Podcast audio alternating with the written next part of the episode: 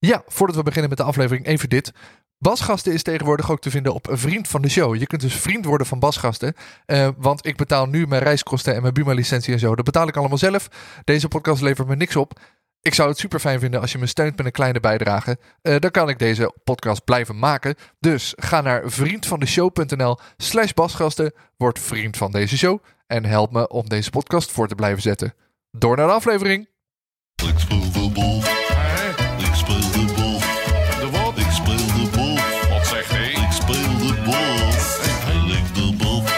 Santa.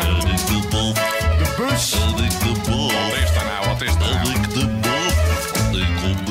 Yes, je luistert weer naar een nieuwe aflevering van Basgasten. De podcast waarin ik in gesprek ga met bekende Nederlandse, Belgische en internationale bassisten over hun gear, carrière en de mensen die ze hebben gevormd tot de bassist die ze zijn. Basgasten wordt mede mogelijk gemaakt door de Bassist, het magazine voor de Nederlandse en Belgische bassist. En in deze aflevering hoor je Nick Kamphuizen. Nick staat onder andere regelmatig op de planken met artiesten als Maan en O'Gene, speelt bij The Passion en in de COVID-lockdown kwamen er allemaal spectaculaire filmpjes voorbij op zijn timeline. Ik ben heel erg benieuwd naar dit enorme talent en zijn inspiratiebronnen. Ik speel de bal. Dat was de bas. Volgens mij komt hij gewoon binnen. Te gek. Chill man, hallo. Nou, leuk. Leuk hè? Ja man, ik Ja. eh, vind het leuk. De trouwe luisteraar. Ja, dat zei je Ja. inderdaad al. Ja, echt. Maar nu ben ik, eh, nu ben ik bij jou. Ja man, In je superleuk. studiootje, Ja, Hartje Utrecht. Hartje Utrecht. Ja, sinds een jaartje of zo. Ja. Ja. Dus Super eh, fijn. Met, eh, ik denk voor, eh, zeker voor de vervent Facebooker, de bekende paarse blauwe lampjes. ja, precies. Ja, eigenlijk, eigenlijk moet je op, eh, op Instagram klinkt het beter, hè? Dat is, Oh ja? eh, Is ja, een het is een gek zo? ding of zo. Ja, en een soort vertraging ook op Facebook. Nou ja, fuck it. Maar goed, Dat, eh, dus ik zit hier in je studiootje en er staan allemaal mooie spullen om me heen. Dat wil ik zo meteen even, uh, nou, kan ik meteen wel even doen. Ja. Want er, er staat best wat waar ik in geïnteresseerd ben. Ik wil eigenlijk beginnen bij de was waarvan ik niet wist dat je hem had. Namelijk een fretloze Squire Jazz Bass. Ja, dat wist ik zelf ook niet meer. Dat, Oh. eh, die stond op de slaapkamer. Mijn vriendin heeft vanochtend opgeruimd en hem eh, hier neer. Nee, dat, eh, ja. Ik heb die ooit gekocht omdat ik Jacco wilde zijn. Dat is niet gelukt. Nee. En toen... En, maar je hebt hem dus, je hebt hem nog wel nog steeds. Gebruik Ja. hem nog wel eens? Nou, eigenlijk nooit. Nee. Dus Voor de- voor de grap. mooi te wezen. Ja, maar ik vind het wel een gave bas. Om te zien. Ja, een soort, eh, ja, toch een soort eh, tribute aan Jacco. Maar ja, precies. Ja, fretless is gewoon ja, niet, niet zo mijn, eh, mijn ding. En vooral omdat ik, ja, hoe zeg je dat? Wa- Wat ik speel is vooral waarvoor ik gebeld word om te spelen. En, en dat is gewoon nooit echt zo op mijn pad gekomen. Nee. Dus ja, helaas. Ach ja, oh, dat is het helaas. Sommige mensen vinden het niet leuk. En dan staat er een rijtje Fenders volgens mij. Ik kan het niet heel goed zien. Maar ja, even kijken of ik het uit mijn hoofd zo kan zien van achteren. Er staat een 77 Jazz, die witte. 78 volgens mij. 78. Ja, ja, wel bijna. En dan een Japanse jazzbas. Yes. Getty Lee Signature. Eh, nee, dit is eh ergens jaren 80. Oké. Ja, dat is op zich wel grappig. Wel, Ik, eh, ik speel veel met Clemens Plakeren, gitarist. En die speelt natuurlijk bij Marco met Mhm. Arnold van Dongen. En die had zo'n Japanse strat. Dus Clemens kwam een Japanse strat zo in diezelfde kleur, weet je wel, Maplehals, dat hele Ja. Arnold van Dongen. En die had Arnold geëft van, hey Arnold, dit is jouw strat, koop er gewoon nog eentje bij, weet je zo. Arnold eh, die had zoiets van, nou, ik heb er al één. Dus Clemens had die gekocht. En toen dacht ik, oh, eh, ik had daar even op gespeeld bij de soundcheck. Ik denk, oh, wat een vette gitaar. En hij speelde daar gewoon shows op en Ja. een passion op een gegeven moment. Toen dacht ik, ja, ik moet ook zoiets, want als ik nou gewoon een goede bas heb, die niet eh, heel onvervangbaar is, dan kan ik die gewoon backstage zetten bij Ja. festivals. En dan hoef ik me niet zo de hele tijd zorgen te maken over ja, wat ermee gebeurt of Ja. zo. En dat is, ik heb de andere pick-ups ingezet en het is echt een topbas. Cool. Echt super blij mee. Ja, Vet. En er staat een vijfsnaar bij. ja ook eh, sinds een half jaartje. Dat is een deluxe aan de...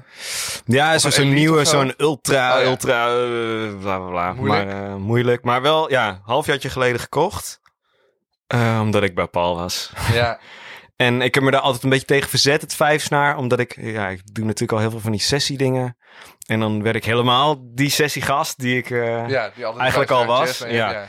En sinds ik hem heb, heb ik eigenlijk geen klus meer zonder die bas gedaan. Dus dat is, zegt ook wel weer Ja, iets of zo. is dat als je hem hebt, dan ga je hem ook gebruiken of zo. Je denkt, ik heb hem... Nou ja, en sterker mis, nog... Ik mis het niet of zo. Ja, ik, ik word echt gevraagd. Want ik had hem laatst een keer niet bij me met een repetitie. Ik dacht, eh, ik ga het gewoon eh, lekker comfortabel viersnaar. En toen kreeg ik echt nog even een appje van, eh, neem je hem wel mee naar de show? Want het is, ja, want het is maar is gewoon, het dan ook de sound, of- want het is natuurlijk een actieve bas. Ja, dat, dat ook. Het werkt als een malle. En iedereen is super blij altijd. Ja. Alleen wat het ook is, je kan gewoon lager. Dus eh, voor heel veel van die dingen die ik ook moet doen, is dan, weet je wel, onderstrijkers of ergens Oh, ja. het heel diep. En dan, dan, dan kan dat. En met een viersnaar kom je gewoon niet zo diep of zo. Nee. Dat het echt onder alles zit. Dus en, en, en ja, veel van die dingen die ik doe, is gewoon met een grote band, veel sequence en dat. En dan, dan, dan vindt het gewoon zijn plek veel Ja. beter of zo. Dus eh, ja, En ik denk dat er een Custom Shop Precision naast staat. ja, klopt. Ik kom hier eh, toch wel veel tegen Custom Shop Precisions. Weinig Custom Shop Jazzbassen. Ja, ik, eh, deze eh, ook een beetje bij toeval. Ik was eigenlijk naar zo'n andere bas op zoek. Want ik, ik vind het altijd leuk om andere dingen te hebben dan, dan iedereen. Maar toen werden het allemaal Fenders jazzbassen, ja. dus dat is nooit de bedoeling geweest. Maar en ik ging voor een soort zo'n ja, zo'n 50s precision, weet je wel, met zo'n single coil pick-up en zo. Alleen toen was ik bij die gast eh, die, die hem verkocht en die had blijkbaar heel veel bassen. En ik vond die bas, ik voelde dat gewoon niet zo. Dus Nee. ik zeg, ja, sorry man, ik, ik had er gewoon meer van verwacht. En eh, zei hij, oh ja, nou, ik, eh, weet je wel, hij vond het wel gezellig. Dus hij, ik heb deze nog en deze en allemaal van die USA Lakelands. En een hele kast ging over met... Vet. ja, en toen, toen had hij die, die custom shop die ik dan nu heb. En zei hij, ja, deze is ook tof. En ik spelen. Ik zo, maar verkoop je deze dan niet, weet je wel? Een beetje. Hij zei, ja, was eigenlijk niet de bedoeling. Maar ja, er komt ook nog een echte 66 of zo volgende week. Dus eh, ja, maar ja dan, dan heb, die is bijna hetzelfde als deze, zegt hij. Maar dan heb ik de echte, dus dan heb ik hem eigenlijk niet nodig. Dus ik zei, nou ja, ik heb nu dat geld bij me. Dus Ja. eh, een beetje een soort van, eh, wil je hem dan verkopen? Want ik vind hem heel gaaf. Toen zei hij, nou ja, is, is goed of zo. En hij vond het dan ook wel leuk dat ik, dat ik dan af en toe tv-dingen deed. En Ja. dan zag hij die bas terug en soms Oh. krijg ik nog een appje van hem. Ah, tof, weet je wel. Dus het is wel heel leuk, zo bij toeval. Maar het is echt een, een toffe bas. Veel Ja, mee, eh, Dat was gewoon, ik wil een position hebben en deze komt op je pad. En, of dan deze kwam echt heel toevallig op Ja, pad. want ik, maar- ik had ook al een 77. Ja, die staat hier nu even niet. Die is bij eh, een soort uh, frette vlakken, dat allemaal. Ehm, ja, maar ik wilde gewoon graag iets anders of zo. Maar deze was gewoon top. Dat klonk precies als ik wilde. Dus heel, Ja. Voor een precision heel open en ehm, best wel een soort gebalanceerd. En, en niet, niet precies wat je verwacht van een precision. Als een soort hele ronkende, duwende sound. Maar daardoor ja, werkt het voor mij super goed of zo. Dat ik toch misschien iets meer zo'n jazzbas ja, man in mijn hart ben of zo. Dat, ik, ik moet gewoon een beetje dat, dat hoge randje horen voor Ja. definitie. En als ik het niet hoor, dan, dan ga ik heel erg zoeken. En van, eh, speel ik wel de goede noten. En, eh, en dit, is- dit is een 64 ja. custom shop, denk ik. Ja, dat. Zijn die, maar die 60's precies hebben dat misschien nog wel wat meer dan die 70's pakken of zo. Die van mij is het 71. Ja. En die kan echt zo... Ja. Misschien Ja. Ja, ik weet niet. ja, die, die 77 voor mij heeft dat ook. Echt meer een soort mid-rangy. Soort, Ja, Het is moeilijk om, om eh, helemaal te omschrijven. Maar dat is wel echt eh, anders. En, en met deze heb ik ook echt veel opgenomen. En ja, een van de eerste dingen was toen bij een repetitie dat iemand zei van... Ah, Nick, kom even iets opnemen. En dat eh, was toen Mind Made Up van Wolf, weet je wel. Wat Oh ja. daarna een soort... eh, ja, dat, ging eh, heel goed op de radio en zo. En, en daardoor ook eh, dat, dat, dat, dat ik meer ging inspelen. En dan wilde, wilde die producer wilde wel graag die bas ook hebben. Want Ja. dat was nu de sound. En toen werd het steeds meer een soort ding. En toen ging die bas ook beter leren kennen met opnemen en zo. En, en ja, eigenlijk nu is het zo dat 90% van het opnemen doe ik dan met die bas. Ja. Gewoon omdat ik het, ja... Ik weet gewoon precies wat ik daarmee moet doen of zo. En hoe, ik het wil laten klinken. Dus dat Ja, is en de wel- producer is er blij mee. ja, hij gaat echt eh, live trouwens heel weinig mee. Heel af en toe. Dat het, ja, ik vind eh, Precision is gewoon, er moet echt goed in een mix liggen. En Ja. je moet dan een soort plekje krijgen. En Misschien ook minder comfortabel gewoon om op te spelen. Je bent, Jan zijn natuurlijk ook weer gevormd in die jazz. Want sinds ik... ja, maar die, die, voor- die vijf snaars popt wel echt nog weer breder. Dus ik Ja. heb nu dan een soort tv-ding. En dan eh, wissel ik af tussen die vijf snaar en die custom shop, die eh, Precision. En dan, eh, als je dan de hele tijd met die vijf snaar in je hand zit en je pakt dan eh, toch een... Dan denk je, die- die- oh. Dan valt het weer heel erg mee of zo. Dus het is ook maar een soort... Maar ja, als je die Serk dan weer pakt, die zeggen, oh, ernaast zei staat... over dingen dan, die net een eh, beetje anders zijn dan andere ja. dingen. Ik ken volgens mij vier mensen met een Sarek. Rogier Wagner. Rogier van Wegberg. Rogier Wagner. Rogier van Wegberg. Ja. En Job van de Staat. Ja. En Tim Lefeef. En jij. Ja, ja. Nou ja, ik, ik was het een tijdje heel erg fan van Tim LeVeef. Dus ik moest gewoon alles wat, eh, wat Ja, hij had. dat Dus terecht ook wel. ik heb een paar van die OC2's en die uh, Workloin had ik toen. En eh, ja, dat, eh, ik vond het gewoon gaaf. Maar je hebt die dus ook echt gekocht omdat Tim erop speelt. Ja, wil en- zeggen, zo het- kwam je, het- zo nou, kwam je op het spoor. Ja, ik vond het heel gaaf. En toen, eh, ik vind het heel cool dat het iets anders is of zo. En dat het ziet er wel een soort klassiek ja. klassiek uit, maar het is echt even nieuw of zo. En eh, ja, toen had Paul er volgens mij een paar. En die waren al verkocht. Toen zei ik, ja, ik moet zo'n ding hebben. En toen heb ik er meteen een besteld. Gewoon, eh, ja, ik, ik wist Zo makkelijk ja, het gaan, hè? Ik moet nou, er een daar was ik hebben en een beetje soort achteraf. eh, of achteraf. Ik heb geen spijt van die bas, want het is echt top. Maar ja, Paul heeft me dan een beetje geadviseerd welke pick-up en zo. En eh, welke hout. En ik heb allemaal geen idee. Nee. Weet je, ik weet gewoon die bas waar ik toen op speelde, vond ik heel gaaf. En eh, ik wilde er ook zo eentje. Maar ik heb wel iets andere specs of zo. En eh, het enige wat dan jammer is, dat je, je, je kan het niet echt vergelijken of zo. Zoals normaal gesproken koop ik alleen een bas als ik erop speel en denk, Dit oh, is hem. dit is hem Ja. of zo.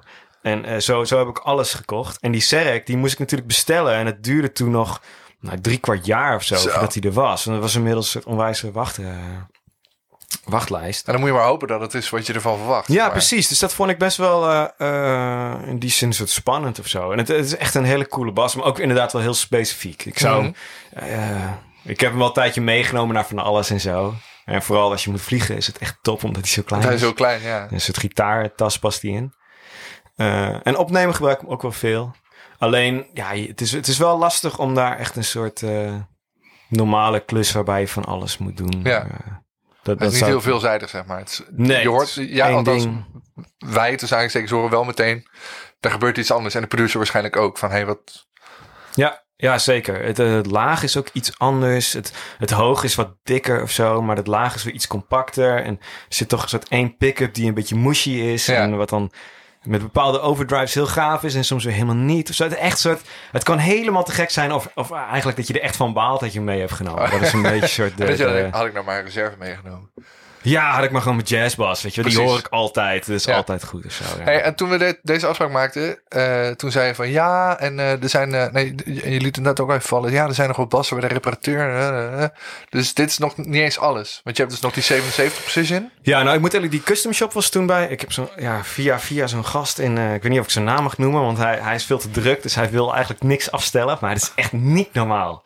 En die, die, die, die heeft een maar paar dan noemen we gewoon zijn naam en dan Ja, zeggen dus we bel hem niet. Theo Nijssen uit eh, Oud Karspel is het. Oké. En die, dat is, die gast die gaat zo ver. Ja. Met soort van, eh, ja, die, die gaat gewoon zo'n bas onderzoeken. En die zegt dan, ja, maar die halspen staat te strak. Dus dat hout vibreert niet. eh, en het. Weet je wel, dus die gaat echt een soort zo'n bas soort los. Ja, ik weet niet hoe die het doet. Het is een soort magie. Ja. En dan krijg je zo'n bas terug. En dan denk je, wow, dit is niet Heftig. normaal. Dus het, en ja, dus toen dacht ik, ja, we spelen nu wat minder. Dus ik ga gewoon eh, zoveel mogelijk bassen bij hem langsbrengen. Ja. En dan moet ik hem appen van, alsjeblieft, heb je nog een plekje? En dan had hij allemaal gitaar aan het bouwen. Dat wilde Oh, ja. Eigenlijk doen. En eh, ja, toen eh, zei hij, nou oké, vooruit, ik vind het leuk voor jou. En eh tof, dan, dan ga ik ze Oh, cool. afstellen. Dus die, die 77 ligt ook nog bij hem. En er waren ook nog een paar dingen mee die hij dan heeft gevonden. En dan krijg ik een filmpje dat hij op alle frets stikt. En dan is er één fret en die klinkt anders. Dus dan gaat hij oh, checken van, eh, weet Hoe je wel, dat? van, Ja. hè? En dan moet ik het opvullen. Ja, en dan wilde ik niet zomaar opvullen met lijm, maar dan moet dat eigenlijk Ja, ja, hetzelfde. Ja, weet je, dat soort dingen. Dat- ja, ik had het- dezelfde vraag bij Hans Pluut ooit in Amsterdam. Ah ja, ja, dat is ook Die heeft mijn, jazz, mijn oude jazzbas toen al zei hij, ja, er was een stukje van de topkam afgebroken. Maar dan heb ik een stukje been aan gelijmd. Maar dan wel uit die periode, zodat het nog Ja. periode correct blijft. Je, zo'n... eh, Ja, ja, precies. Maar ik vind dat super gaaf. ja, en als je eh, bas ervan opknapt. Bedoel, ja. Ja, dat is echt, eh, ja, dat is echt wel heel cool. Dan, dan krijg je echt een andere, andere bas terug. Dus, Ja. eh, sorry Theo, ik hoop eh, dat je... Nou, we gaan hem niet bellen. maar ik vind wel dat je zo iemand dan credits mag geven, weet ja, je. dat is echt niet normaal. Ja. Vet. Dus, eh, En eh, je eerste bas, heb je die nog? Ergens? Nee, nee. Weet je nog wat het was? Volgens mij was mijn eerste bas een soort Samick eh, Precision-achtig Oh, eh, ding. Ja, en die heb ik toen gewoon weer ingeruild voor een volgende bas. En die Ja. heb ik ook weer ingeruild. En, eh, Heb je nog wel spijt van dat je denkt, oh, dat ik nog maar gehaald. nee, echt niet. Maar volgens mij was was echt... eh, dat, eh, Het is zo leuk als ik ik iemand heb hem dan nu in de vuurkorf gegooid. Ja, precies. eh, Heb je, heb je Samick nog? Nee, nee, wil ik ook helemaal niet. Nee. nee, ja, ik, ik heb daar ook niet... eh, ja, hoe zeg je dat? Ik kan me die bas nog wel een soort vaag herinneren. Ja. En daarna had ik een soort PV. En het is eigenlijk achteraf allemaal... eh, En toch bij het blijven doen. Ik ben wel blijven bassen. Ja, Ja, precies. Dat vond ik wel leuk. Ja. En Kan je nog herinneren het moment dat je daarvoor koos? Dat je ineens dat dat op je netvlies kwam van... hey, er bestaat zoiets als een basgitaar en dat wil ik. Eh, nou ja, in die zin, ik had, ik had altijd eh, piano gespeeld. Omdat mijn vader, die speelde een soort toetsen in, eh, ja, gewoon een soort bruiloftpartijen band. Ja. En die repeteerde altijd in de garage bij ons. Dus vanaf dat ik heel jong was, zag ik dat altijd. En dan ging ik mee. Had zo'n zo'n bandbus, weet je wel. En die ging dan ophalen en inladen en dat. Dus ik vond dat allemaal heel tof. En toen ging ik dus piano spelen omdat hij dat ook deed.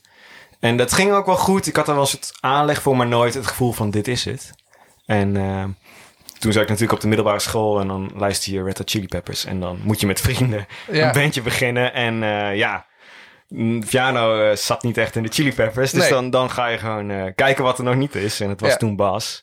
Zoals zo vaak. Ja, en toen heb ik volgens mij een beetje gezeurd. Zou ik eerst van iemand een bas lenen en dat lukte allemaal niet. En toen zei mijn vader, nou weet je wat, we gaan gewoon even zo'n zo'n bas halen. En toen heb ik me gewoon vanaf het eerste moment dat ik hem had helemaal kapot geoefend. Dat was, Ja. eh, vond ik, ja, ik vond het super Dat was meteen aan, zeg maar. Ja, en echt, eh, eh, nou misschien wel tien jaar piano gespeeld. Maar toen was ik 15 of zo. Toen kreeg ik die bas. En toen dacht ik, ja, dit is, dit is het Dit is het. Ja. En En was het toen ook al meteen, althans meteen, maar vrij snel dat je ook dacht, ik wil ook niks anders meer dan dit? Mm, nou ja, nou, ik, ik wist toen helemaal niet dat er een conservatorium of zo was of Nee. zo. Dus ik was daar ook niet mee bezig. Maar ik zat wel, eh, ik weet wel, ik zat bij Erik Rademakers op de middelbare school. Oh ja. Die ken je vast wel. Zeker, ja. En die zat een soort, ja, ik weet nou, niet een jaar boven, maar die zat op de HAVO en ik zat op Atheneum. Dus hij ging een jaar eerder van school. En Ja. die was al wel bezig met, ik ga naar Rotterdam en ik ga les van Michel van Schie en ik ga eh, dat.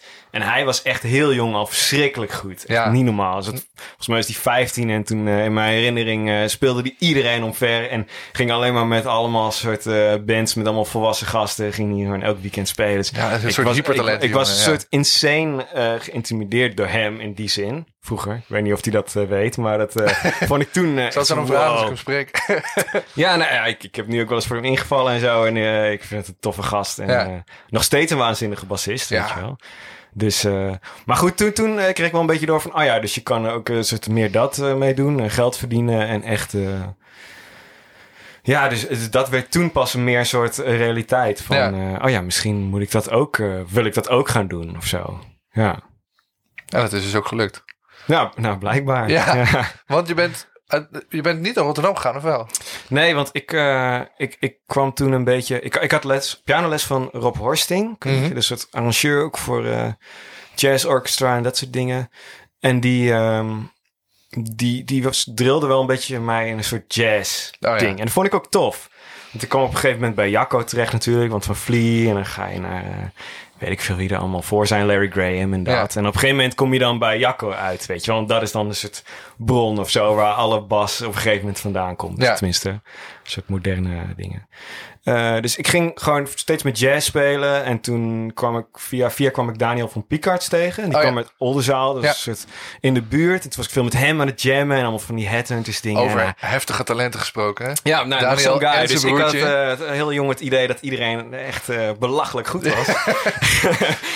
en eh, nou ja, dus ik ging veel met hem jammen en zo. En eh, grappig, ik speel nu natuurlijk met zijn broertje bij, eh, bij Maan. En die was toen, nou ja, hoe oud zou die zijn? Eh, 14, 15. Die had net een gitaar vast en zo. Dus dat was eh, op zich heel grappig.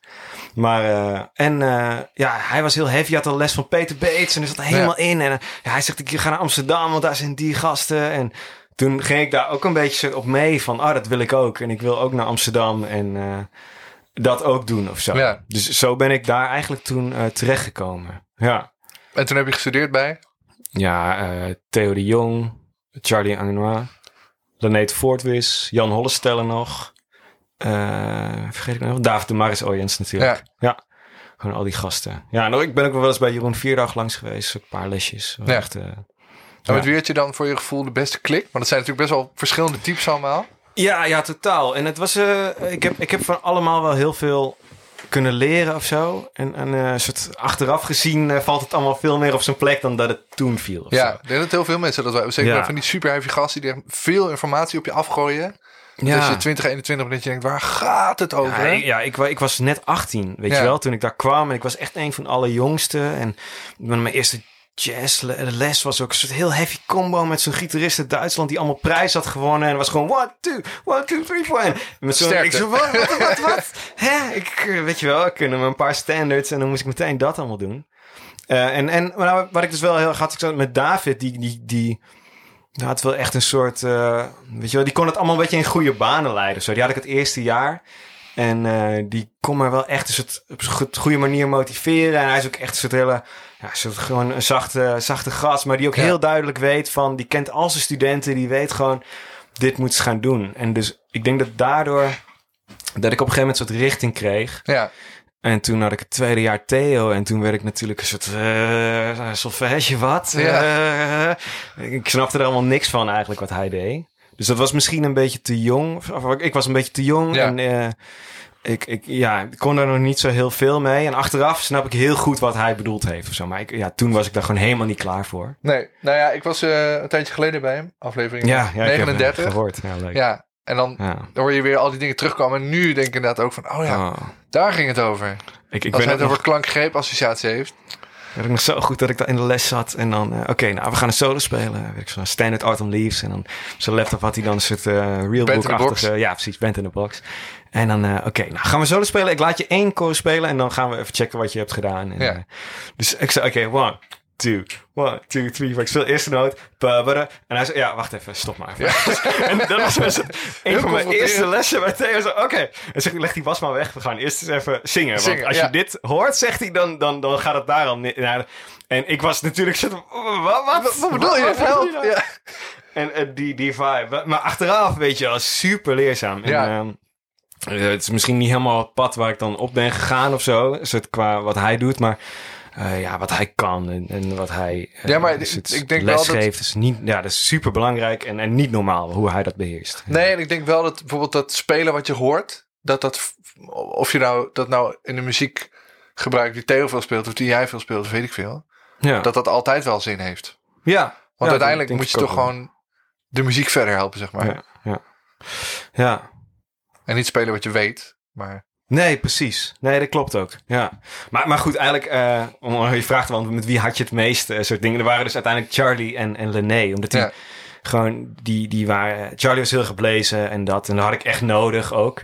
En dat vond ik ook heel fijn, een soort structuur en eh, een soort heel erg terug op de basis. ja. En Lené is ook een soort, soort ambachtsman en gewoon zo bassen. En die klonk ook heftig, soort heftige sound en gewoon bam, bam, bam, bam. Toen dacht ik, oh ja, vet. En ik had ook een beetje met hem het idee, zo'n achterhoeker. En ik kwam Oh natuurlijk uit Twente. Ik dacht, nou oké, dit, dit snap ik of zo. Hier kan ik wat mee. En dat ging ik ook echt hard studeren. En allemaal van die soort drie klankoefeningen die hij had. En, eh, en dan gewoon tot het uh, bloedens toe, weet je. En dat, Ja. dat vond ik echt tof. Want dat was voor mij heel concreet. En Ja. daar kon ik me helemaal op storten. Dus de- daar had ik echt super veel aan. Maar dat waren dus eigenlijk mijn laatste twee jaren of zo op het, eh, op het conservatorium. Ja. heftig wel. Dat je, da- Ja, dat je da- eh, dan een soort van tot jezelf komt of zo. Ja, Door- nou, en daarna was het nog steeds eh, natuurlijk, weet je wel, toen was ik eh 21, 22, toen ik klaar was. Dan heb je nog steeds geen idee. Nee. Maar eh, ja, achteraf had ik het een beetje anders moeten doen. Had ik eigenlijk een soort vier jaar bij Charlie en dan vier jaar bij Lené en dan misschien een keer een lesje van Theo. Dan was ik dan misschien zo- meer klaar Dat zou het zijn je gewoon Eh, 12 jaar consortium kan 12 jaar studeren. conservatorium. Ja, het zou eigenlijk top zijn. Maar ja, was ik heel goed geweest nu. Ja, er waren er heel veel mensen heel goed geweest, denk ja, ik. ja. Eh, we kwamen van je eerste bas op, eh, op je consortium, maar ik kreeg eh, nog steeds klachten dat ik het te weinig over versterking heb. Oh ja. Dus daar moeten we het ook nog even over hebben. En ik kreeg ook een luisteraarsvraag. Ik ben je naam even kwijt. Sorry als je de vraag hebt gesteld. Maar je hebt een endorsement bij GR. Ja. Of GR. GR-base, ja. Ehm, daar wil ik zo meteen alles over weten. Maar iemand vroeg, je hebt een endorsement, maar ook een fliptop. Ja, Hoe werkt dat? Ja, ik, ik weet niet precies hoe dat, hoe dat voor iedereen werkt, maar ik, ik weet wel hoe het voor mij werkt. Eh, en dat is dat ik op een gegeven moment een berichtje kreeg van, eh, eh, ja, van, van, van Danny, die werkt voor de Music Alliance, het importeur voor al die Ja. dingen. Hij zei, hey Nick, ik heb een soort nieuwe... Ik kende hem al via via. Die zegt, hey, ik heb nieuwe, nieuwe spullen binnen. Wil je het eens checken? Want we zijn gewoon benieuwd en dit en dat. Ja. Dus toen ik zei, nou ja, oké, top. Ik vind het leuk. Ik, ik ben altijd wel benieuwd en laten we het gaan checken. En eh, toen had hij die spullen daar staan. En toen ben ik gewoon heel eerlijk geweest van, dit vind ik heel cool. Dit vind ik minder cool. En dit vind ik eh, te gek. En dit vind ik iets minder te gek. Ja. En toen zei hij, oh, dat is echt super fijn dat je dat soort zo zegt. En eh, zou je dan niet zo'n zo'n setje willen om mee te spelen? En zeg ja, eigenlijk voor bepaalde dingen is dit, is dit echt te gek. Ja. En dat vond hij dan heel cool dat ik het op die manier benaderde. Hij zegt van, nou, dan zegt hij van, laten we dat dan een soort samen doen, weet je wel. En hij was een beetje met die videootjes bezig en hij zag wel een soort samenwerking erin. Zoals in mijn soort ogen ook zou moeten zijn, weet je wel. Een endorsement is in die zin, tenzij je Pino Palladino bent, dan koopt iedereen blind wat Pino heeft. Maar Ja. ik bedoel, ik ben dat niet. Eh, dus eh, dat, dat, die, dat is echt voor mij een soort samenwerking. Dat ik heel eerlijk ben geweest. Ik vind die spullen te gek voor eh, bepaalde dingen. En volgens mij die, bijvoorbeeld die Instagram filmpjes waarbij ik die spullen gebruik. Dan laat ik dat ook een beetje zien of zo. Ja. En de shows, want ik had bijvoorbeeld mee met, eh, met Maan en de Ziggo en eh, met Treintje een paar keer invallen en zo. En, en voor die dingen is het echt supergoed. Maar tegelijkertijd, als ik het Motown, Beatle ding, wat dan ook zou moeten doen, is echt oldschool. En ik heb hier zo'n flip-top staan. Dan gaat niemand geloven dat ik zeg, ja, die GR-bass is, daarvoor toffer. echt gaver dan die flip-top. Want Ja. dat is het, die flip-top is waarmee al die platen zijn opgenomen. Dat Ja. is meteen zoals het klinkt. Dus, en, en dat vond eh, die Danny ook eh, eigenlijk heel cool. Want die zegt van ja, daardoor wordt het alleen maar geloofwaardiger. Ja, Dat jij die spullen dus wel gebruikt bij eh, Maan en Treintje en weet ik veel wat. ja. En eh, nou, dat vond ik ook heel cool. En ik, ik vind het zelf ook. Want ik kan nu oprecht zeggen van... Ik, ik vind die spullen, die, die GR-bass... klinken echt super soort punchy en, en compact. En heel fijn als je daar live mee moet spelen. En, Ja. en je wil gewoon een soort druk voelen en ook. dat. Ja, en ik heb hier nog zo'n zo'n Fender Bassman. eh, is dat zo'n 100 eh, T is dat? Met Ja. zo'n... dat is ook te gek, maar, maar dat is ook heel snel soort, ja, we hebben het net een beetje over hadden, soort mushy kan het worden. En Ja. heel wollig. En als je dan iets moet spelen wat gewoon een soort modern strak is met een vijfsnaar, dan, dan is dat niet helemaal een Ik match. zou geloof of ik nooit een lage bassnaar loslaten op of een bassman of zo'n fliptop. Nee, ja, op die fliptop is het nog best oké of zo. Die gaat niet zo heel laag door. Maar hoe zeg je dat? Je, je snapt in ieder geval waar- wat ik bedoel. Ja. Van, eh, er is niet zo'n één heilige graal van... nou, ik ga één, voor mij in ieder geval... ik ga één bas gebruiken voor alles wat ik doe. En dat is de bas en één amp voor alles. Het, ik denk het, het gaafste is dat ik nu een soort... eh, eerlijk kan zeggen... ik vind dit te gek voor die live dingen... en eh, voor bepaalde soort funky, punchy, dat soort dingen. En als het echt oldschool moet... dan gebruik ik andere spullen. En, Ja. en ik... eh, in die zin ik krijg ook geen geld. Ik heb geen contract of wat dan ook, weet je wel. Het is gewoon omdat ik het echt wel gaaf vind. En Ja. dat ik eh, het fijn vind eh, met Danny en de manier waarop dat gaat. En dat ik eerlijk kan zijn van, goh, ik vind dit misschien niet zo gaaf. En dan gaan ze, gaat hij dat zo terugkoppelen. En dan gaan ze daar misschien iets mee doen of misschien niet. Of, Ja. eh, weet je wel. Dus dat is eigenlijk heel tof. Op Dat is denk ik ook wel misverstand dat mensen bij, eh, als je een endorsement hebt, dat ze dan denken dat je alleen nog maar dat op Ja. die spullen mag spelen. Ja, dat bestaat natuurlijk ook wel met soort Die- hele grote gasten. Maar ik weet niet Ja, hoe het bij jou is bijvoorbeeld. nou ja, ik heb een endorsement bij Eich. Ja, Maar ja, weet je, ik kocht die oude bassman. Ik check dat dan altijd wel even, weet je wel, van hey, vind, je, vind je dat een probleem als ik dat ding... Met, heb ik, met name bij vintage spullen. Dus van ja, gewoon lekker doen. Want ja, wat je ook zegt, soms is die bassman gewoon vetter.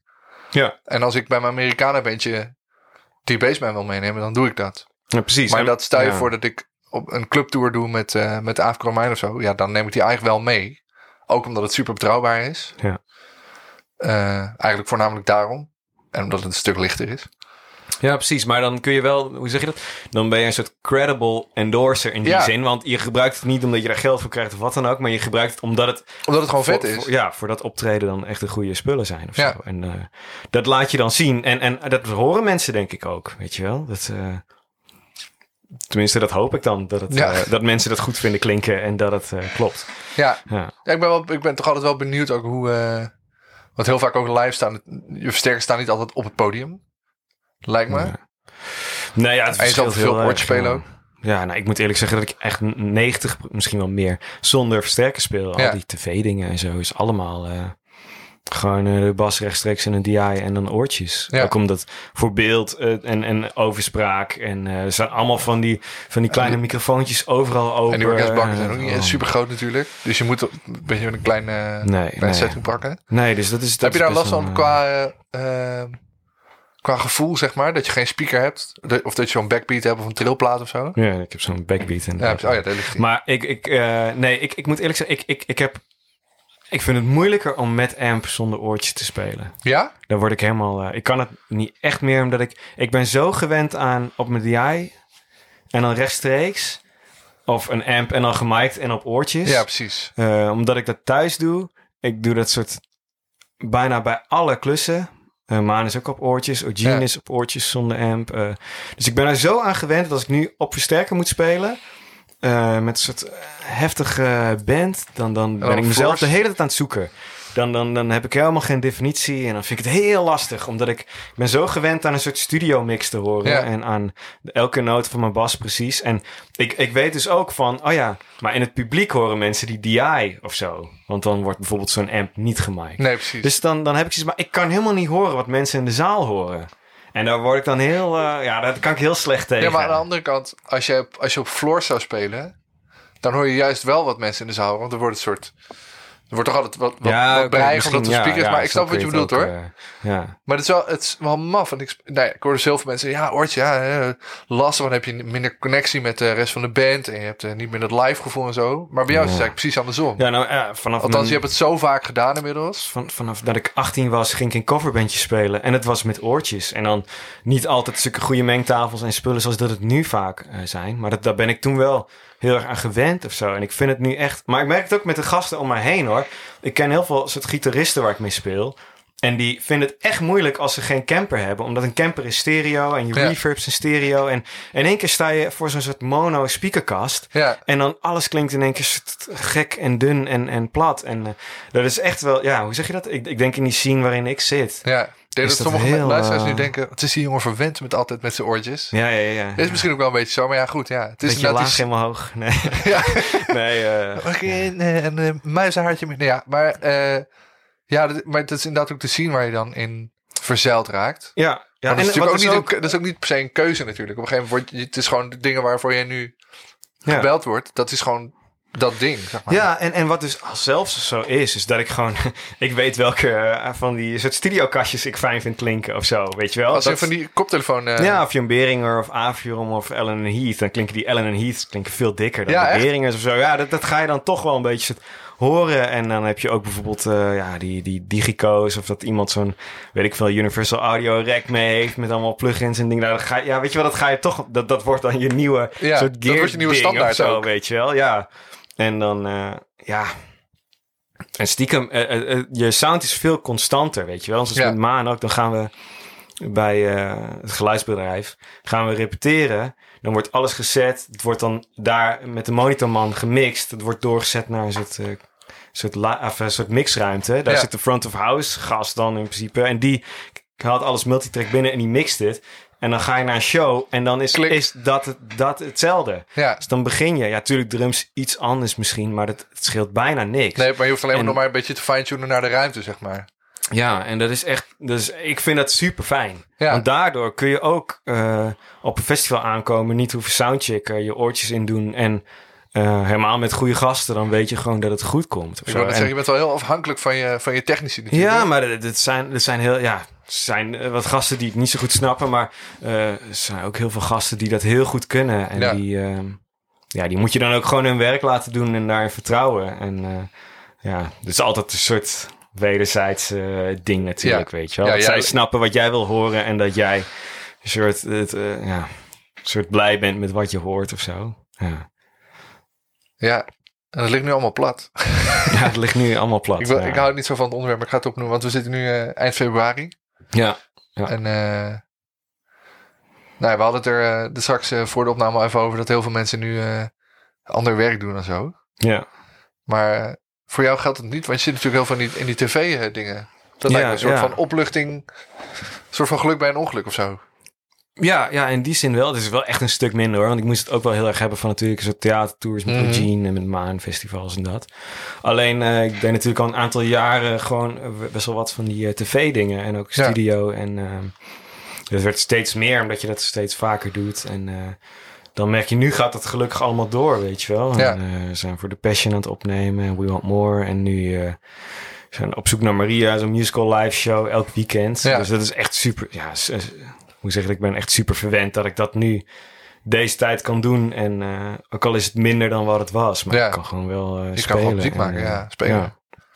Dus eh, ja, en het is, ik vind het ook echt moeilijk om te zien bij heel veel ja, gasten die, waarbij dan, die gewoon heel veel live speelden. En die echt waanzinnige muzikanten zijn, maar die zitten dan toevallig niet in die scene. Of weet je wel, dat soort sessie dingen lezen is niet zo hun, Ja, hun, eh, hun pakje aan. En dan, ja, dan heb je gewoon niks te doen nu of zo. En dat vind ik vreselijk, eh, ja. vind ik wel heel, heel moeilijk. ja. En ook geluidsbedrijven en zo, weet je wel. Die gasten waar ik net opnoemde, die allemaal supergoed zijn. En die, eh, weet je wel, echt dat heel goed kunnen. En die, ja, die, die zitten maar met een loods en een vrachtwagen en al die spullen. En eh, ja, het moet allemaal betaald worden. En, Ja. Maar ze kunnen niks doen. Ja, is, eh, dat vind ik echt verschrikkelijk. Ja. echt, eh, Nou, laten we hopen dat tegen de tijd dat dit online is, dat het dan beter is. ja, maar die, die tv-dingen, dat is volgens mij echt wel een, een, echt een vak apart.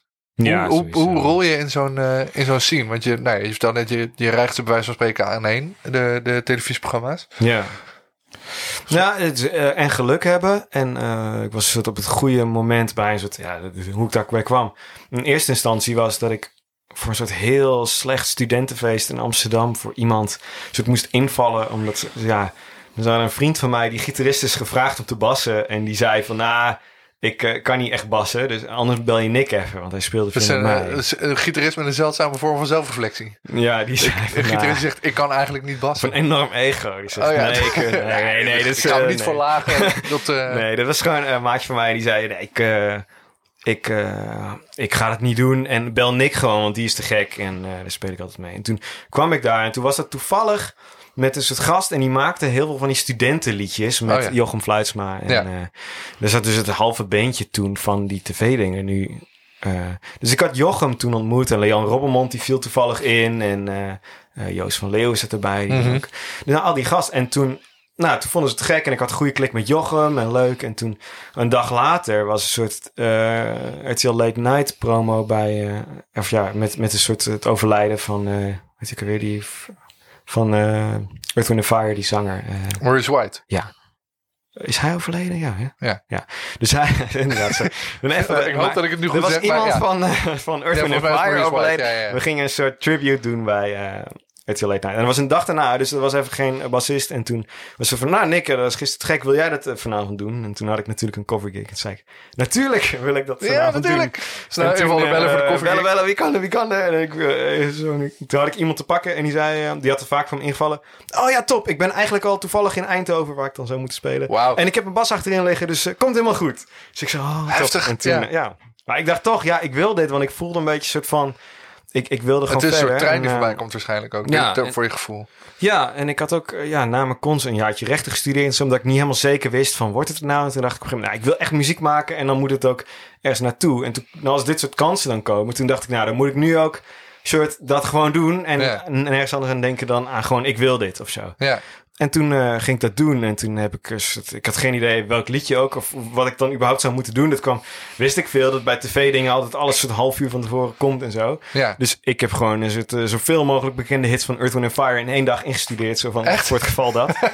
en toen kwam ik daar s'avonds. En toen was het volgens mij september en nog iets. En eh, nou, dat had ik... Dan geen medley van eh allemaal. 10 minuten waarbij... Nee, nee, nee, nee. Ik moest alleen wel in de uitzending dan meteen ook een stukje alleen de baslijn spelen, weet je wel. Oh ja. van, eh, dat- dat, Maar eh, het dansje hoeft er dan weer niet bij. dat hoefde dan weer niet. En ik hoefde geen pruik op en zo. Nee, dat was allemaal... eh, Nee, maar dat was, eh, dat was eigenlijk heel tof. En vanaf dat moment hadden zij... Soort, hadden, ja, Erik van Tijn was erbij. Een soort goede klik. En daar kwamen gewoon heel veel dingen uit. Ja. En eh, stiekem is die tv-industrie is ook niet zo heel groot in Nederland. Tenminste, dat zijn best wel dezelfde mensen de hele Ja. tijd. Dus toen was het nog een beetje dat ik en Jens dat veel eh, eh, soort afwisselden. En eh, ja, en op een gegeven moment eh, werd ik gewoon gevraagd voor bepaalde dingen, omdat ik er dan eh, jong uitzag op beeld. Dat, was, oh, dat is geen grap. Ja, nou, dat is gewoon, ja, dat is gewoon bijvoorbeeld voor kinderprogramma's of Ja. zo. Dat was een van de eerste. Wilden ze gewoon graag een soort jong beentje hebben. Ja. Dus daar was dan eh, E- Erik en Jochem waren er ook niet bij. Maar die, die, dat ging wel vanuit hun. En toen, nou ja, toen ging dat goed. En, en zo kwamen er meer dingen op mijn pad of zo. Ja. Dus dan als het één keer begint, dan komt daar meer uit. En is er wel eens het gevaar geweest dat je... Of het gevaar... eh, heb je wel eens... nee, ik ga het toch zo zeggen. Het is wel eens het gevaar geweest dat je bijvoorbeeld...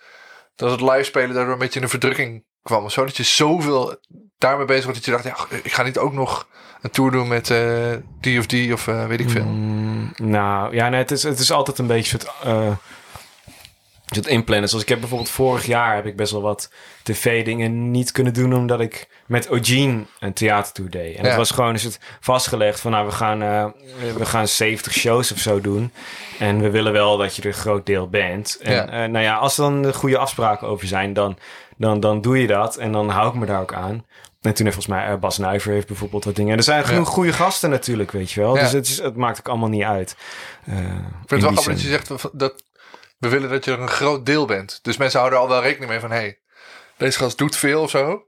Nou ja, weet, hadden ook eh, kunnen zeggen, we willen dat je de hele tour doet. Want dan weten we, wie, weten we avond aan avond wie er staat. maar, eh, dat komt ook wel eens voor. Maar dat is bijvoorbeeld bij tv-programma's willen ze wel graag dat je de hele... Dus dat is het ding. Laat me zeggen. Dus eh, stel, ik had bijvoorbeeld Eugene en Holland Sint Hazes viel tegelijk.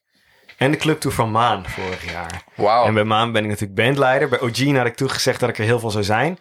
En Holland Sint Hazes had ik al gezegd bij Ogene... van als, als die weer komt, dan wil ik die graag doen. Ja. Zo, dus het was een soort... Oké, nou en hoe ga ik dit dan oplossen? En uiteindelijk kwam eh, natuurlijk corona en hoefde er niks eh, opgelost. er hoeft er niks opgelost Eh, te maar worden. dat was natuurlijk al wel een soort... Maar ja, dan, dan moet je toch een soort eh, kiezen van... Oké, hoe, hoe zorg dat iedereen blij is of zo? En hoe zorg ik dat... eh, waar, waar is het eh, mogelijk of zo? Want Ja. Holland Zingt Haas is, is, is maar vijf keer in principe.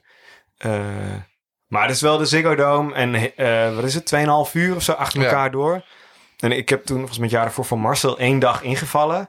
Ja, dat, dat was, hoe is het, ging goed, maar het was wel wel, pittig. echt pittig. Ja. Ik kreeg ook echt een dag van tevoren de liedjes. En dan, het is natuurlijk allemaal een soort lezen voor je leven. En het valt wel mee, het is niet moeilijk.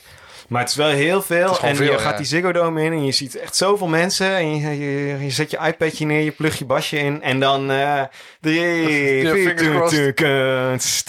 boom, boom. Ja. Nou, goed, en dan ga je. En eh, nou, dan is het 2,5 uur. Dan weer, nou, ja, dus het is... Wat, ze hadden ook wel een beetje gezegd we willen nu liever geen invallers dan. Ja.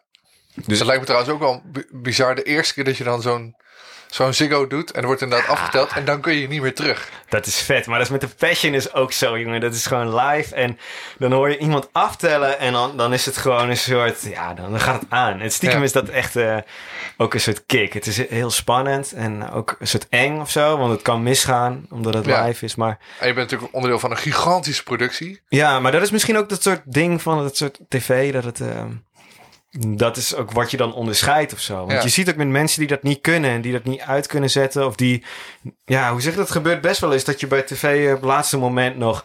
Oh ja, dan moet hier de tweede couplet voor de helft. En dan gaan die twee maten eruit. En dan moet Ja. het derde couplet moet een halfje hoger. En dan, en dan, dan weet je wel, dan moet je gewoon een soort, oké, opschrijven. Ja, dit doen, even in je hoofd zo doorlopen. En dan dat spelen. ja, En als je niet die soort kalmte hebt, dan, eh, dan ga je onderuit of Ja. zo. En dat heeft niks te maken met hoe, hoe goed je als muzikant bent of wat dan ook. Maar dat is meer een soort van, zit dat in je of zo? Ja. Om een soort zo eh, kalm te blijven en dat dan te doen. En, en bij mij ging dat tot nu toe altijd redelijk goed. en ik, eh, ik ben niet de, de allerkalmste daarin of zo, maar wel, ik, ik kan het wel. nee, je, hebt, het- je hebt natuurlijk nu al zoveel ervaring dat je daar gewoon een soort, ja.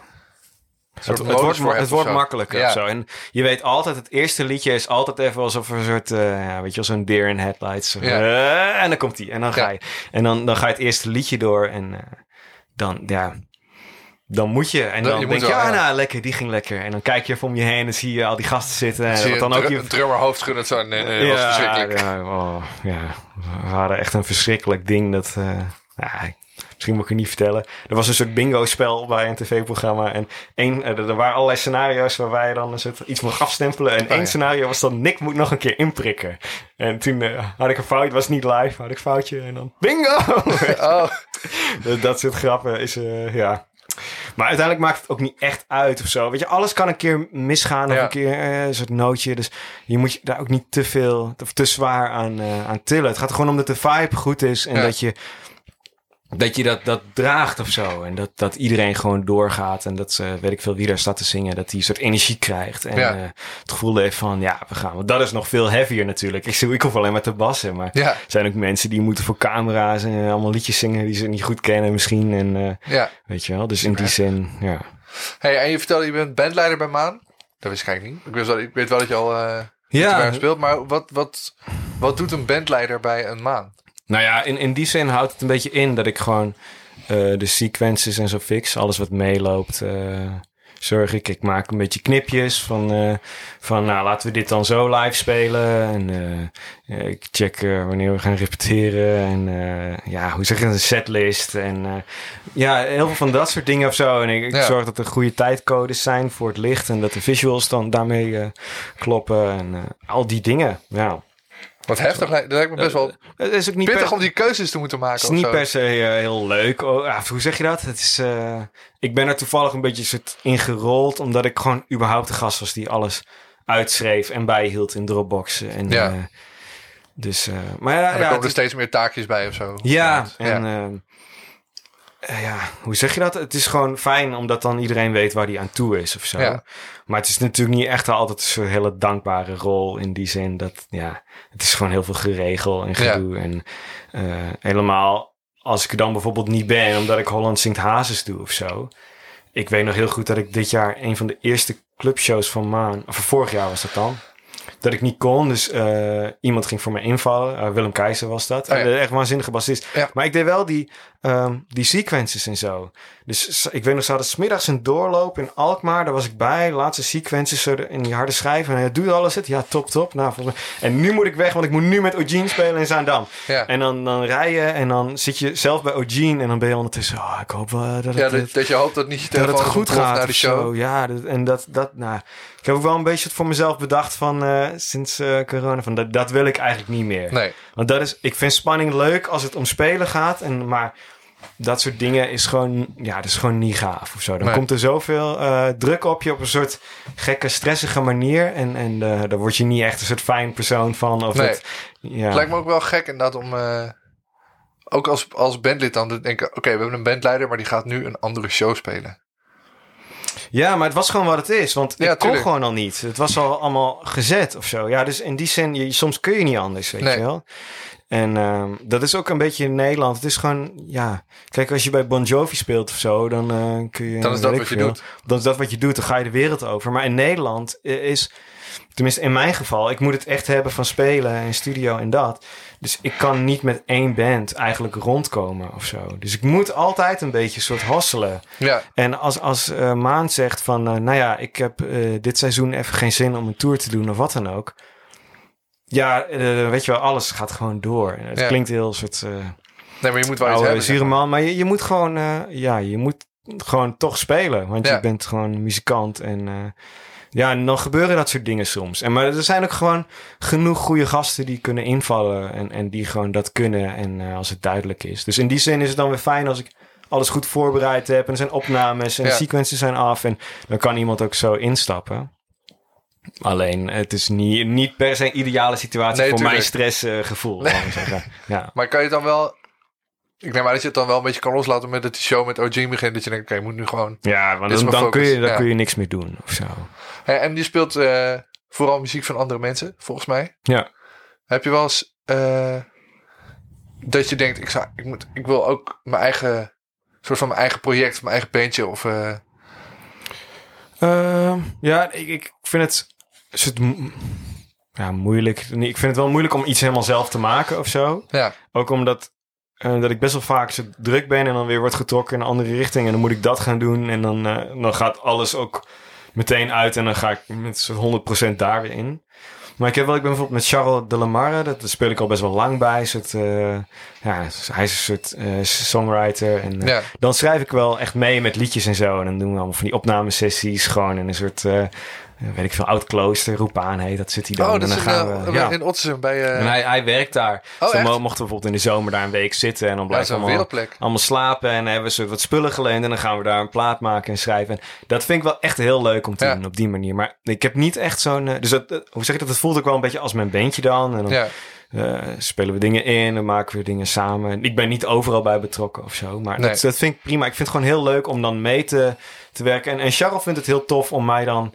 Als hij het gevoel heeft van... eh, ah, je kan Nick wat mee of zo. Om dan met mij af te spreken om iets te, te doen of zo. En Ja. dat, dat- op die manier vind ik het heel tof. Maar ik vind het wel heel moeilijk om zelf iets te dragen. ja. Ook omdat ik daar niet echt de focus voor heb. Omdat ik, weet je wel, zo snel weer getrokken word naar... Oh ja, vandaag doe ik dit. ja. En morgen moet ik dat. En dan, eh, ja, om dan, dan te denken van, nou, op woensdag ga ik eens even lekker zelf, eh, Zelf iets maken. Dus dan, Nee. die filmpjes zijn dan een beetje mijn soort creatieve uitlaatklep Ja. of zo, die Instagram-video's. Ja, Ja. ben je daar, ik, ik heb het niet, niet helemaal gevolgd, eerlijk gezegd, maar wel, eh, ik, ik zie het natuurlijk regelmatig bij. bij de- is dat echt een soort van COVID-hobby van je geworden, of was je daar al mee bezig? Ja, nou, ik vond het gewoon, dat opnemen deed ik natuurlijk al heel veel voor Ja, mensen. En het was ook een beetje soort, ja, toch een beetje soort promotie voor jezelf. Ja. En ehm, te laten zien dat ik dat soort goed kan. En eh, ja, en dan kreeg je gewoon toffe reacties. En dan denk je, oh nou leuk, ik ga ermee door. zo. Het is niet een soort heel doordacht eh, commercieel plan. Of, Nee, eh, het is niet dat je echt bezig bent met jezelf verkopen. Nee, maar wat wel heel leuk is, is dat je, je, je verplicht jezelf een beetje om iets te maken. En ik vind het Oh ja. leuker, oh ja, het kan dan een koffertje zijn of iets. Maar je moet alsnog, ook als je iets van iemand anders, moet je dat toch knippen en eens op minuut en iets van maken, wat dan een soort beetje de bas featured of wat dan ook. En dat vind ik wel heel leuk. En dan ben je daar toch creatief mee bezig. En een beetje, Ja. je gaat dat mixen en je gaat een beetje checken van... eh, hoe maak ik daar mijn eigen ding van of zo. Dus dat- Ja. dat vind ik dan heel leuk. En dat zijn ook dingen waar ik dan goed in ben of zo. Waar ik tenminste veel tijd in heb gestopt met opnemen en eh, ja, dingetjes editen. En, en, Ja, dan staat het eh, ook waarschijnlijk vrij snel. Ik denk dat sommige mensen nu ook denken van, maar dat is toch heel veel werk met opnemen en Ja, nou ja, ik, ik heb hier dus mijn eh, setupje soort altijd klaar. Dus Ja. ik, ik heb letterlijk, ik hoef één kabel in mijn bas te doen. En ja, dan kan ik nog kiezen of ik dan een soort mijn amp ook opneem. Of dat ik een soort eh, modeling doe of wat dan ook. Ja. Maar in principe als, als iemand belt van kun je niet opnemen. Ik heb ook wel eens gedaan met, met soort stream dingen. Dat, dat je dan, eh, oh ja top. En dan kijken ze mee in de sessie. En dan kan ik het bij wijze van spreken nu doen. En dat Ja. merk je wel in die covid tijd is dat wel, eh, wel tof. Wel dat, fijn, eh, ja. Over je opname setup. Er staan allemaal voor mij eh, bekende dingen. Er staat een, een Monique preamp, zo'n soort broodrooster, zullen we zeggen. Mhm. Een Neve DI. Maar je, voordat we, voor de opname moest je ook al even heel trots je oude Sansan benoemen. ja, dat is... dat is Dit is helemaal een soort. Ik, de meeste mensen kennen de Sansan van de, de Bass Driver. Die, de zwart-gele monster. Dat altijd hetzelfde klinkt. Helemaal te gek. Ja, ja, ja. ja. Maar dit is de, de, de, de rack unit. Het is gewoon een soort preamp.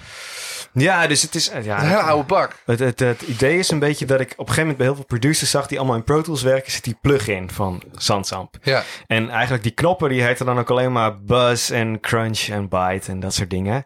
En dat is ook gewoon wat het is. Dus het is allemaal een soort hele ranzige distortion, maar wel dan op, het laag of op het mid of op het hoog. Dus je kan een soort heel getarget soort distorten. Wat eigenlijk die Ja. metal gasten en zo ook een beetje doen. En dat vind ik heel gaaf. Maar ik, ik zag al die gasten dat gebruiken. En toen dacht ik van ja, dat vind ik cool. Maar wat ik dan terug hoorde was dan niet helemaal hoe ik het zou doen of zo. En natuurlijk eh, ben ik geen producer of wat dan ook. Maar ik dacht van nou weet je wat, ik ga zo'n ding kopen. Dan heb ik daar zelf controle over. Dan Ja. neem ik die, die rack unit mee en zeg ik ja, het gaaf die plugin. Ik heb hier de echte. Ja. Dan zal toch niet zo snel iemand zeggen nee ja, die plugin vind ik gaver of zo. Weet je wel. Dus ik dacht ik, ik ga het gewoon eens checken. En toen eh, ja, werkte dat soort super goed voor mij. Dat ik dacht nee, ik gebruik niet als soort main geluid. We hebben ze inderdaad net, net gemengd met het DI-signaal. Ja, ja dat- dus het, ik blend het erin en dan heb ik een soort presetjes per bas of per soort hoe heftig het moet zijn. Maar het, het is wel heel cool, want het- je kan het heel makkelijk, zo- zoals alle 90 Linkin Park of zo, daar ben ik Ja, super fan van. Als je dit hoort, zo, dan is dat hoe, hoe die, die 90s Dat is gewoon dat ding, ja. rockbass dingen klinken of zo. En eh, als je dat dan blendt met een soort DI waar gewoon laag in zit en een beetje gecompressed. En dan, dan heb je echt een soort heel veel presence. En het blijft ook de hele tijd soort even goed drukken of zo. Dus Ja. ja, dat is een beetje mijn, eh, mijn geheim eh, opnemen tool.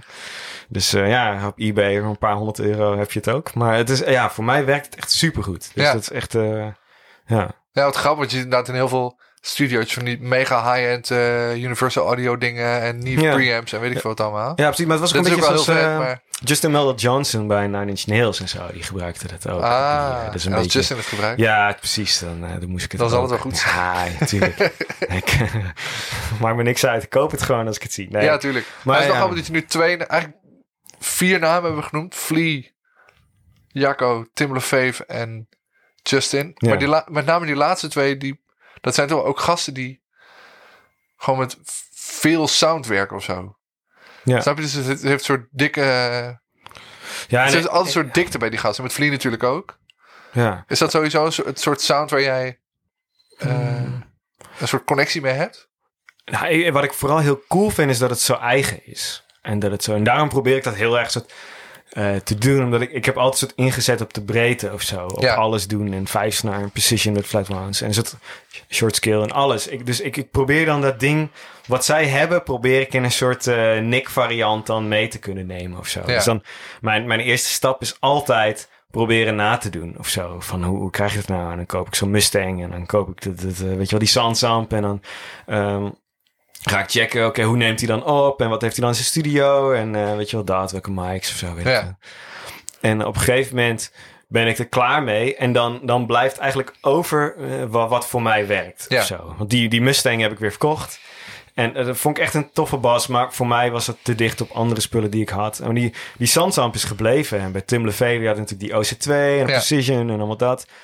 Nou ja, goed. En er zijn dan ook bepaalde dingen weer van gebleven of zo. Dat is denk ik hoe het een beetje werkt bij mij. Ja, dus je, je, je, je bekijkt gewoon wat, alles wat iedereen heeft en daar, daar hou je het eigenlijk van over wat jij nog Ja, wat jij kan gebruiken, zeg maar. ja precies. Ja. Want die, die Serk is ook eigenlijk omdat ik Tim LeVeef daar gaaf op vond klinken. En dan opgespeeld bij Paul. En denk ik, oh, ik wil ook zo'n ding. Ja. En dan, ja, weet je wel, dan ga je het gebruiken. En dan op een gegeven moment merk je wel van, ah, voor dit is het gaaf. En voor dit werkt het niet of zo. Want ik bedoel, Justin Mel Johnson en Tim zouden nooit op een vijfsnaar... eh zo- tenminste, dat zie je niet Ik echt. probeer me dat even voor de eh, geest halen, nee, maar ja, nee. dat is Nee. dat uh, vijfsnaar, dat, eh, nee. Maar goed, eh, bijvoorbeeld Adam Blackstone ben ik wel weer heel erg gaan checken. En die Ja. zou dat wel doen of zo, weet je. Doet alles op een vijfsnaar. Ja, dus dan probeer ik weer dat een beetje te channelen of zo. Ja, en zo. Ja, Voor de mensen die niet weten wie Adam Blackstone is, leg even uit wat voor een enorme eindbaas die man die is. doet altijd die Super Bowl dingen en die Erica Badu is Ja. soort, ja. het is echt Justin al die soort groot, ja, Justin Tim, al die soort heavy R&B eh, dingen. En dat is echt de, de soort Amerikaanse R&B sound is hij of zo. En hij, hij is ook eh, net zo groot als hij klinkt. Ja, klopt, ja. Die vijfsnaar ziet er bij hem wel anders uit dan Ja. bij mij, inderdaad. Dat, eh. Nee, maar goed, ja, dat is ook weer zo'n voorbeeld, weet je wel. Dan zie ik dat denk ik, oh, dat is gaaf. En dat ga ik checken. En dan, ja, dan hou ik daar een soort van over wat, wat, wat werkt voor mij of zo. Ja. Wat, en ja, vind ik daar een beetje mijn eigen weg in. En wat wel, ja, dan probeer ik dan ook een beetje per ding te channelen of zo. Van, eh, als het iets oldschooligs is met Plectrum, ga ik heel snel in een soort Justin Meldal Johnson manier van spelen. En als het een soort weird met effecten en ik krijg een beetje vrij, dan, dan, dan ga ik heel snel een beetje richting Tim LeVeef of zo. Ja. En ja, op die manier... eh, Ze wil gewoon graag alles kunnen, eigenlijk. eigenlijk wel. En dat lukt natuurlijk een soort beetje, beetje Ja, van alles. Je kan alles een beetje. Ja, maar dat is, eh, voor wat ik doe is dat natuurlijk wel, ehm, wel heel handig of zo. Ja. ja. En je wel eens, eh, je wel eens een soort van bang dat je dan jezelf daarin verliest of zo? Ik ga een hele rare vergelijking maken. Was, eh, ik las een tijdje geleden, volgens mij was het Gary Oldman, die zoveel verschillende accenten had gebruikt in zijn acteercarrière, dat hij een, een logopedist en een dialectcoach nodig had om zijn, zijn oorspronkelijke accent weer terug te krijgen. Wauw. Zo van, ik weet niet meer hoe ik klonk toen ik jong was, want ik heb een Amerikaans... Heb je wel eens dat je denkt, ik weet, ik weet niet meer hoe ik, hoe ik zelf klink of zo?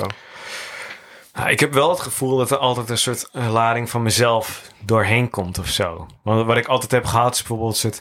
De technische dingen lagen mij onwijs. Dus Ja. ik kon altijd makkelijk eh, snel spelen en eh, chops en dat. Dus dat zit er ook nog steeds altijd in of zo. Waar bijvoorbeeld Tim LeVeef dat niet zo zou Nee. doen of zo. Dus de, dus je hoort wel echt altijd dat ik het ben of zo. En ik ben ook altijd op zoek naar een soort eigen... Ik, ik hou altijd van heel veel punch en een beetje het hoog, omdat ik altijd jazzbass heb gespeeld. En Ja. dus ik, mijn, mijn sound is ook altijd misschien iets brighter dan dat het bij dat soort gasten zou zijn. Dus eh, in die zin ben ik niet zo bang dat ik mezelf kwijtraak of zo. Ja, hoe zeg je dat? Omdat ik toch eh, mijn gevoel volg van dit wil ik horen of zo. Ja. Maar ik, ik voel wel heel erg dat het ergens vandaan komt. Van, oh ja, dat heb ik wel gecheckt en dan ga ik dat een beetje doen. Ja, zo. precies. Ja. Maar dan voeg je dat gewoon toe aan wat er al is, zeg maar. Ja, Ja. ja. precies. Ja. Dus het is niet meteen een soort 180 graden van... eh, oh, hier komt een heel Sansamp eh, rek uit de kast. En Nee. eh, weet je wel, als, helemaal als je live dingen doet... moet je toch altijd een beetje een soort middenweg vinden van Ja. al die dingen of zo. Ja. Cool. Zit alweer bijna een uur. Echt? Ja, man. Lekker man. Nou, het is leuk. Ja. Gaat super snel. Ja. Vond ook leuk. Hey, thanks dat ik in je studiootje mag zijn. Vond het super tof. ja man, nou leuk dat je er was. Ja, Ja. echt. Vet. Wie moet ik nog bellen? Vind jij? Je hebt ze allemaal geluisterd. Je weet Ja, uit je hoofd. je moet Erik Rademakers moet je... Ja. dat is het, eh, ben wel benieuwd. Dan Ga moet je hem vragen of hij eh, weet dat ik hem vroeger zo goed vond. Ja. En dan ben ik ook benieuwd of ze een tokai nog heeft. Oh ja, ja. Gaaf. Thanks, man. Je luistert naar het Spijtirkant met Nick Kamphuis. Vond je dit een leuke podcast? Abonneer je dan via je favoriete podcastkanaal. Laat een reviewtje achter op iTunes, zodat mensen de podcast beter kunnen vinden. En vergeet vooral de Basgasten playlist op Spotify niet te checken. En laat een berichtje achter op de Basgasten Facebook. Over twee weken hoor je Hidde Roorda. Ik speel de bos. Dat was de bas.